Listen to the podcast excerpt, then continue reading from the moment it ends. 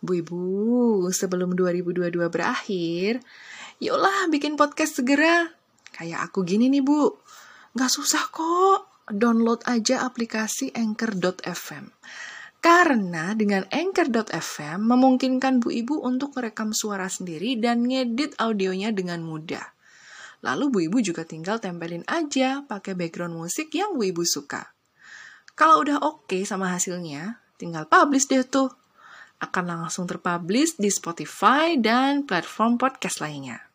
So, what are you waiting for, Bu Ibu? Langsung aja yuk download Anchor.fm sekarang.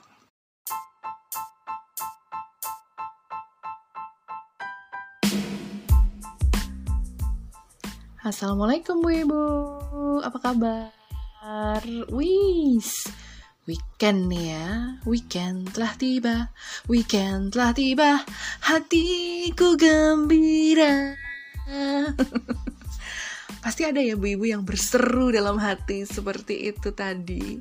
Karena emang weekend itu jadi waktu yang spesial buat kumpul-kumpul bareng keluarga tercinta, buat berkegiatan bareng, quality time dan mungkin juga waktunya untuk leyeh-leyeh juga kali ya. mungkin juga pas weekend gini ada waktunya untuk pergi keluar rumah makan bareng sama anak-anak sama suami nyobain tempat kulineran baru gitu ya wah asik banget tuh bu terus terus pas kayak gitu ya bu ibu tuh jadi acting ala-ala reviewer gitu mukbang nih ceritanya. Terus nge-review apa aja yang dimakan. Wah, review-mereview itu sekarang jadi hal yang biasa ya Bu ya. Termasuk kalangan Bu Ibu juga nggak mau ketinggalan. Karena mau eksis juga kan. Plus opini pribadinya itu juga kayaknya pengen banget didengar orang gitu loh. Dan gak cuma makanan, tapi juga barang-barang lain yang udah dibeli.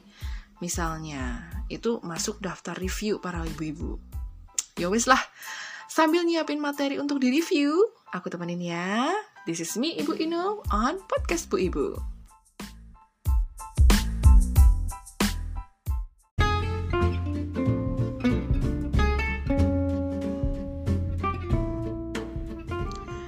Bu Ibu, zaman sekarang udah bukan hal yang baru ya untuk siapa saja melakukan review terhadap suatu barang atau suatu tempat atau sebuah makanan. Semua kalangan itu bisa melakukan ini, nggak terkecuali bu ibu juga. Karena basic reviewing itu sebenarnya cukup simple ya. Kita beli barang, kita gunakan sesuai fungsi atau peruntukannya, dan kita nilai sesuai pendapat kita sebagai buyer atau customer. Nah, kita tinggal sebutkan aja aspek-aspek yang direview dan pendapat kita tentang hal-hal tersebut. Misalnya ya, bu ibu beli baju, hmm, gamis misalnya aspek yang direview tuh banyak. Mulai dari tampilannya secara umum gimana? Wah, tampilannya bagus banget. Dari jarak sekian meter itu udah kelihatan ya, cerongnya, motifnya seperti apa.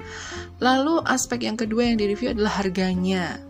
Harganya termasuk murah, mahal, atau terjangkau, atau kita harus nabung dulu biasanya kayak gitu. Lalu aspek yang direview lagi adalah dari bahan gamis itu tadi bahannya dari apa? Dari kain rayon, rayon viscose, linen, atau misalnya rayon uh, bahan wolfish, baby terry, atau apa gitu. Bahannya banyak sekali dan ini memang harus juga direview ya. Terus hand feel-nya gimana? Maksudnya bahannya itu kalau disentuh atau kena kulit itu rasanya gimana? Apakah rasanya licin, rasanya halus, rasanya lembut, atau justru kasar, atau gesek-gesek kulit, kayak gitu ya. Terus dari warnanya juga di review. Wah, warnanya ternyata agak lebih terang dibandingkan foto displaynya, misalnya kayak gitu. Terus juga dari motifnya. Motifnya ini abstrak ya, tapi tetap bisa kelihatan anggun kalau misalnya dipakai untuk perempuan, misalnya seperti itu. Terus juga mereview gamis itu dari aspek kualitas jahitannya juga, uh, ukurannya sesuai atau enggak seperti yang dijanjikan. Misalnya lingkar dadanya 110. Ternyata untuk ukuran yang lebih besar itu bisa, misalnya kayak gitu. Dan tentunya mereview dari kepuasan kita pada saat pakai. Dan masih banyak lagi sebenarnya aspek-aspek lainnya. Mungkin terdengar simple ya, hanya menyebutkan fakta-fakta yang kita temukan pada barang tersebut, terus menyebutkan pendapat kita tentang hal-hal yang uh, saya sebutkan tadi ya, aspek-aspek yang direview gitu. Tapi kalau tidak pas dengan kosakata dan juga diksi yang dipilih, bisa jadi review yang kita bikin itu nggak kena tujuannya. Oke, okay, wait, wait, wait. Sebenarnya apa sih tujuan seseorang itu nge-review? Apa sih tujuan seseorang itu nge-review? Pengertian dari review sendiri itu kan kegiatan mengulas ya, atau meninjau suatu produk atau jasa secara spesifik gitu. Nah, biasanya uh, reviewer orang yang melakukan review itu akan memberikan informasi mengenai pengalamannya menggunakan barang tersebut atau mempergunakan jasa tersebut. Tujuan utama melakukan review adalah untuk memberikan informasi dan gambaran dari sebuah produk atau sebuah karya atau sebuah jasa gitu. Nah, ulasan yang dimaksud itu biasanya berupa kritikan yang memberikan manfaat, gak hanya buat pembacanya atau pemirsanya, tapi juga untuk menciptakan produk, uh, juga untuk orang yang menciptakan produk atau karya tersebut, maksudnya seperti itu. Atau kalau nggak yang menciptakan ya berarti uh, untuk sellernya. Nah, kritik dan saran berupa review itu sebenarnya tidak boleh sembarangan dilakukan ya Bu ya mereka yang melakukan review itu mesti berpegang pada prinsip analisis dan fakta. Jadi bukan sembarang opini, bukan sembarang berpendapat atau berkomentar. Sebab ulasan berupa ringkasan singkat ini itu bisa berguna untuk uh, berbagai bidang gitu. Misalnya untuk pemasaran, untuk orang-orang yang harus melakukan uh, product development, misalnya kayak gitu. Nah, review itu adalah sesuatu yang juga bermanfaat untuk individu, individu customer atau buyer, maupun juga publik secara luas gitu. Nah, review itu bertujuan untuk ngasih informasi, gagasan, atau gambaran yang prakteknya biasanya membahas apa? Kelebihan dan kekurangan dari suatu produk atau jasa. Dan review ini mesti memiliki nilai guna. Ini nih yang membedakan review dengan opini. Di bidang pemasaran misalnya, sebuah review itu bisa mengarah pada uh, perbaikan dari produk atau jasa yang ditawarkan ke masyarakat gitu. Jadi kita review nih, oh barangnya ini ternyata sangat bermanfaat loh, kayak gitu. Akhirnya ketika sudah ada review, 1, 2, 3, 4 orang yang memberikan review dengan baik, dan ternyata memang memberikan manfaat, akhirnya oleh bagian pemasaran dilepas deh tuh barang-barangnya. Oke, kita distribusikan lebih banyak lagi, misalnya seperti itu. Jadi, sebenarnya butuh kejelian dan ketelitian ya dalam menilai segala aspek dalam sebuah ja, uh, suatu barang atau jasa atau tempat atau makanan atau film atau buku gitu ya. Supaya bukan hanya sembarangan opini yang diberikan Nah, bu ibu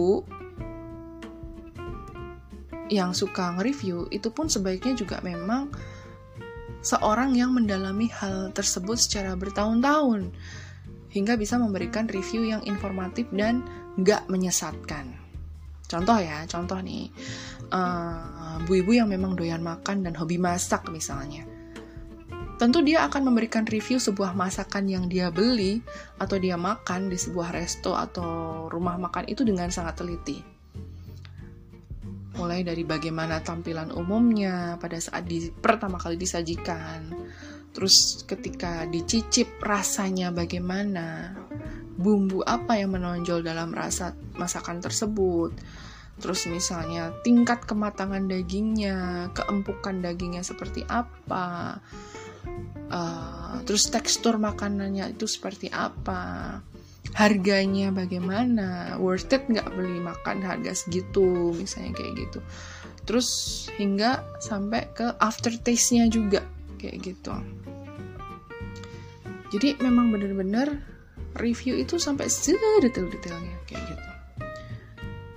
Nah tapi di zaman sekarang ini ya banyak bu ibu tuh rame-rame jadi nge-review barang-barang yang dia beli tapi kadang informasi yang diberikan itu nggak mendalam gitu alias hanya surface aja gitu ya.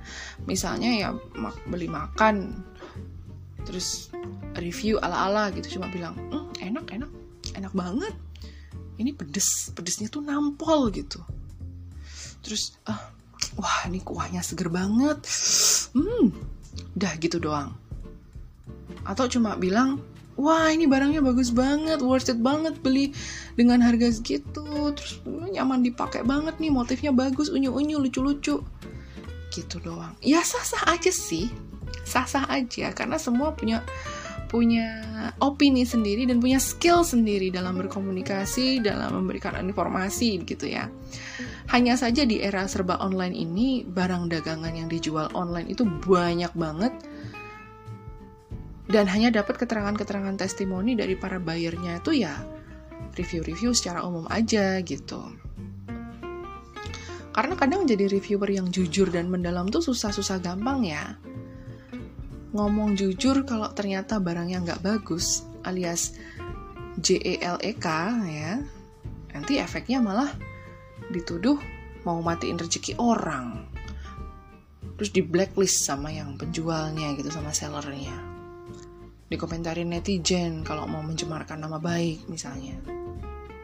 Tapi kalau apa yang disampaikan penuh bunga-bunga kata, padahal aslinya ya just so-so aja gitu ya. Kan kesannya kayak ngebohongin orang banyak gitu kan. Padahal dia itu nge-review pakai ilmu loh ya gitu. Dan harus diingat lagi bahwa sebenarnya nge-review itu memang sebaiknya uh, memperlihatkan keunggulan dan kekurangan suatu barang dan jasa itu gitu. Kecuali kecuali nih kalau bu ibu itu ada kesepakatan berbayar ya dengan pihak produsen atau pihak penjual bahwa review ibu eh, review yang ibu sampaikan itu harus hanya menyebutkan keunggulan aja ya, jangan di spill kekurangannya gitu. Ya, kalau memang Bu Ibu mau ambil kesempatan itu tanpa ada beban harus mempertanggungjawabkan secara moral kalimat-kalimat Ibu, ya sok aja atuh. Toh nantinya juga semua akan kembali kepada para calon buyer atau customer lagi kan. Bahwa mereka akan beli produk yang Bu Ibu review atau enggak gitu loh. Enggak ada paksaan juga buat mereka beli, ya kan? Banyak penjual yang bilang dengan sopan kepada customer mereka, Maaf ya mbak, mas, pak, bu. Kalau bagus silahkan di-review. Kalau ada kekurangan silahkan sampaikan langsung kepada kami gih gitu. Ya itu bener sih, itu bener. Karena otomatis kan itu jadi masukan buat si penjual ya kan? Untuk kemudian nantinya mereka ngambil langkah untuk memperbaiki kekurangan itu. Tapi ya kadang-kadang yang namanya seller atau penjual tuh ada yang songong-songong juga ya gitu. Mereka merasa bahwa mereka tuh punya barang yang paling hebat sedunia gitu loh. Jadi terus mereka tuh nggak terima kalau ada review yang nyebutin kekurangannya. Lalu berdalih bahwa ah reviewnya itu bohong. Reviewnya itu asal-asalan nuduh yang enggak-enggak eh terus lanjut tiba-tiba ada somasi. Bilangnya mencemarkan nama baik Sebenarnya tanpa melakukan itu pun semua akan tetap kembali ke masing-masing customer kok.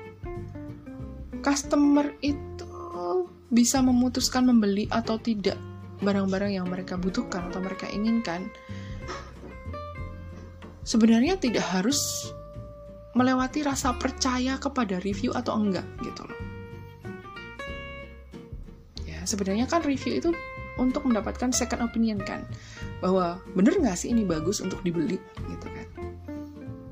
Nah bu ibu reviewer juga sebaiknya nggak asal sebut ya atau menginfokan sesuatu saat membagikan opini pribadi atas suatu barang atau jasa ya bu ya. Karena nanti bisa juga loh kena pasal menyebarluaskan informasi palsu ya.